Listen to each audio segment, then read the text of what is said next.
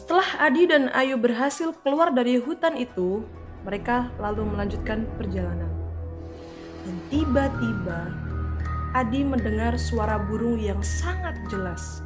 Entah Adi sudah sangat terbiasa atau sudah kelewat pasrah, Adi 100% yakin bahwa itu burung jadi-jadian.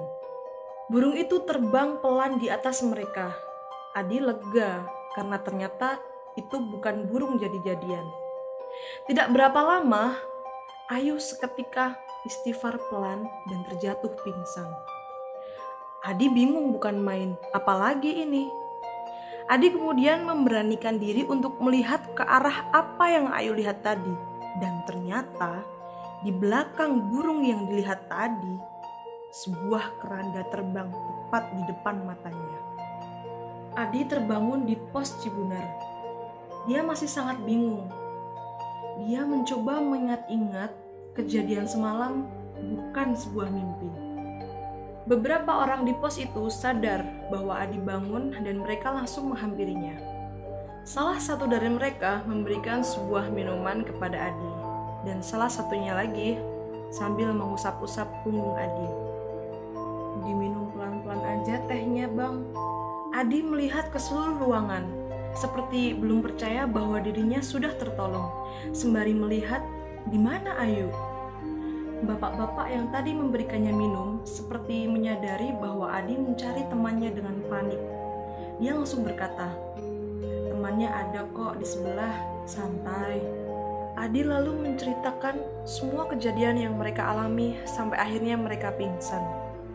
Tapi anehnya, bapak-bapak itu tidak terkejut sama sekali ia mendengarkan cerita Adi dengan tenang.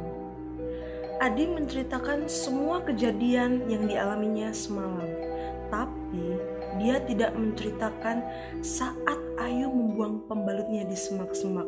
Ia takut, tapi selain takut, dia juga malu kalau dia telah ketahuan mengotori gunung. Kunaon Kang bisa sampai gitu? Kejadian aneh memang sering di sini, tapi saya baru dengar jika sampai separah itu. Saya juga nggak tahu, Pak. Adi terpaksa berbohong saat itu. Tapi, Bapak itu menatap lurus ke mata Adi sambil bertanya. Punten, Kang. Punten ya. Bapak cuma bertanya. Kalian teh zina di atas. Astagfirullah, Pak. Saya sama Ayu cuma temen. Lagian kami bawa tenda masing-masing tapi memang itu kenyataannya. Sebelum berangkat, Adi dan Ayu sepakat untuk tidur di tenda masing-masing. Mereka memang berteman dekat dan pertemanan itu sama sekali tidak mengarah ke arah romantis. Ya sudah, kamu teh istirahat dulu. Sebentar lagi ada orang yang bawa lauk dari bawah buat kamu makan. Terima kasih banyak, Pak. Setelah pembicaraan mereka selesai, Bapak itu kemudian keluar dan menemui beberapa orang di luar. Sekitar ada empat orang di luar, dan Adi sempat mendengar mereka membicarakan Adi dan Ayu.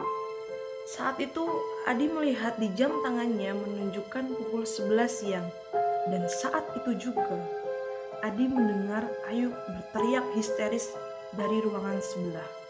Adi melongo ketika melihat Ayu dipegangi oleh tiga orang dan satu orangnya memegang kening Ayu sambil komat kamit.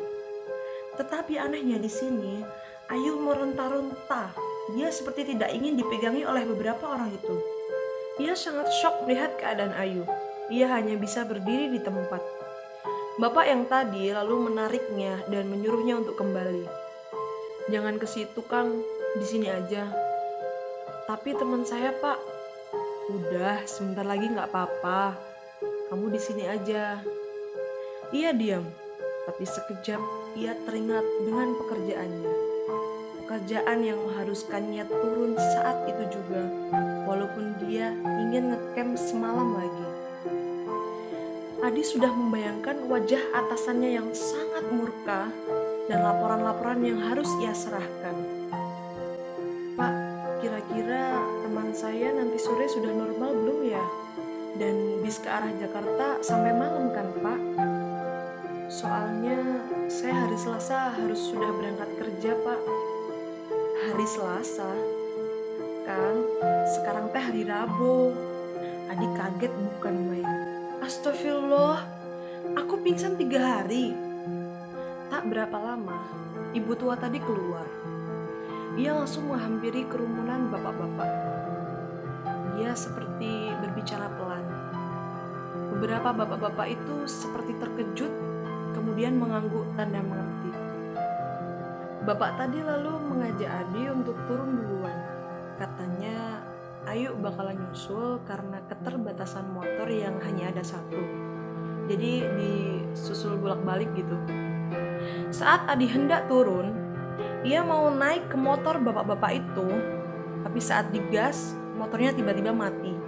Adi turun lagi, tapi motornya nyala lagi. Saat Adi naik lagi, motornya kembali mati. Kemudian ada salah satu bapak-bapak yang menghampiri mereka, seperti ingin mencoba, sini coba motornya.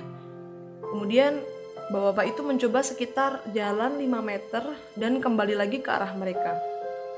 Saat Adi hendak memboncengnya lagi, motor itu kembali mati. Adi memutuskan untuk istirahat dulu sesaat. Ia merasa Gunung Ciremai tidak akan melepasnya dengan mudah. Tak berapa lama, seorang bapak-bapak yang lain lagi keluar dari ruangannya Ayu dan memanggil Adi untuk masuk ke ruangan tersebut. Di dalam ruangan tersebut, ibu-ibu tua tadi sedang ngobrol dengan seorang bapak-bapak, tapi beda lagi ya bapak-bapaknya. Dan bapak-bapak itu seperti mendengarkannya sambil menunduk. Setelah bapak-bapak tersebut melihat Adi masuk ke ruangan itu, ia langsung menyampaikan apa yang dikatakan oleh ibu tersebut. Kang, ibu ini tidak bisa menyembuhkan teman Akang. Katanya yang satu keluar, yang satu masuk, yang satu keluar, yang satu masuk lagi. Dan ada satu sosok yang tidak bisa dikeluarkan. Sosoknya seperti ular hidung bertanduk. Bapak itu tidak berkata sampai di situ. Ia lalu melanjutkan perkataannya, dan ini yang lebih parah. Makhluk itu dendam sama teman si Akang. Katanya teman si Akang udah ngotorin rumahnya. Jadi dia mau dibawa dan dikawinin sama makhluk itu. Sekarang Adi benar-benar merengek. Pak, tolong pak, bu, tolong. Bilangin, aku minta maaf pak.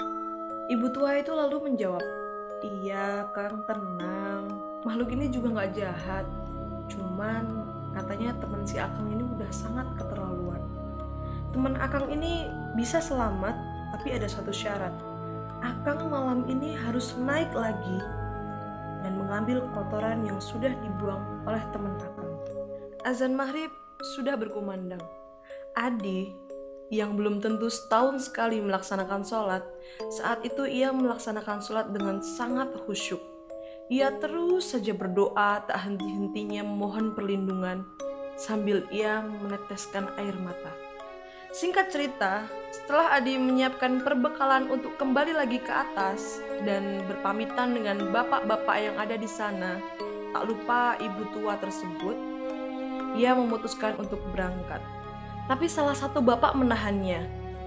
Ia memberikan sebuah bingkisan kain putih dan menjelaskannya kepada Adi. Kain putih ini isinya tanah. Tanah ini nanti kamu sebar di condong amis ya, dan kainnya kamu bawa.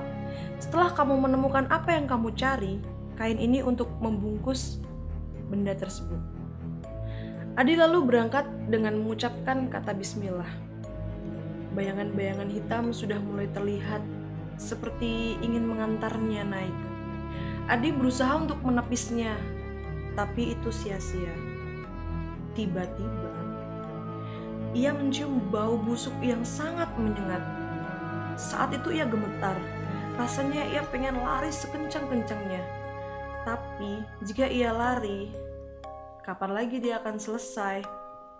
Bau busuk itu berubah menjadi wangi melati, dan bau itu seperti tepat di belakangnya. Ia merasa sebuah tangan sedingin es menyentuh tengkuknya. Ia lari sekuat tenaga sampai dia tidak sadar bahwa jalannya semakin menanjak. Entah berapa lama ia berlari, sampai suatu ketika ia sampai di sebuah gubuk kayu yang seperti ia rasakan bahwa itu adalah gubuk yang bapak-bapak itu maksud, yaitu gubuk condong amis. Pelan dan ragu, Adi mendekati bangunan tersebut. Suasananya yang begitu gelap saja sudah membuatnya begitu merinding. Ranting-ranting kurus yang menjuntai ia rasakan seperti tangan-tangan orang mati yang berada di sana sini. Adi berhenti 10 meter di depannya. Ia menyenter ke segala arah, memastikan tidak ada sosok yang bersembunyi di sekitar situ. Ia kemudian mengambil kain putih yang berada di kantong celananya, segera mengambil tanah itu, dan kemudian menyebarnya di sekitar gubuk tersebut. Adi melakukannya dengan sangat cepat karena ia merasa di sekitar kanan dan kiri ia seperti banyak yang memperhatikannya. Tiba-tiba muncul sesosok wajah putih yang menyembul di semak-semak. Matanya sangat lebar dan tepat berada di depan Adi. Seketika kaki Adi sangat lemas. Ia langsung jatuh terduduk dan berteriak sangat histeris.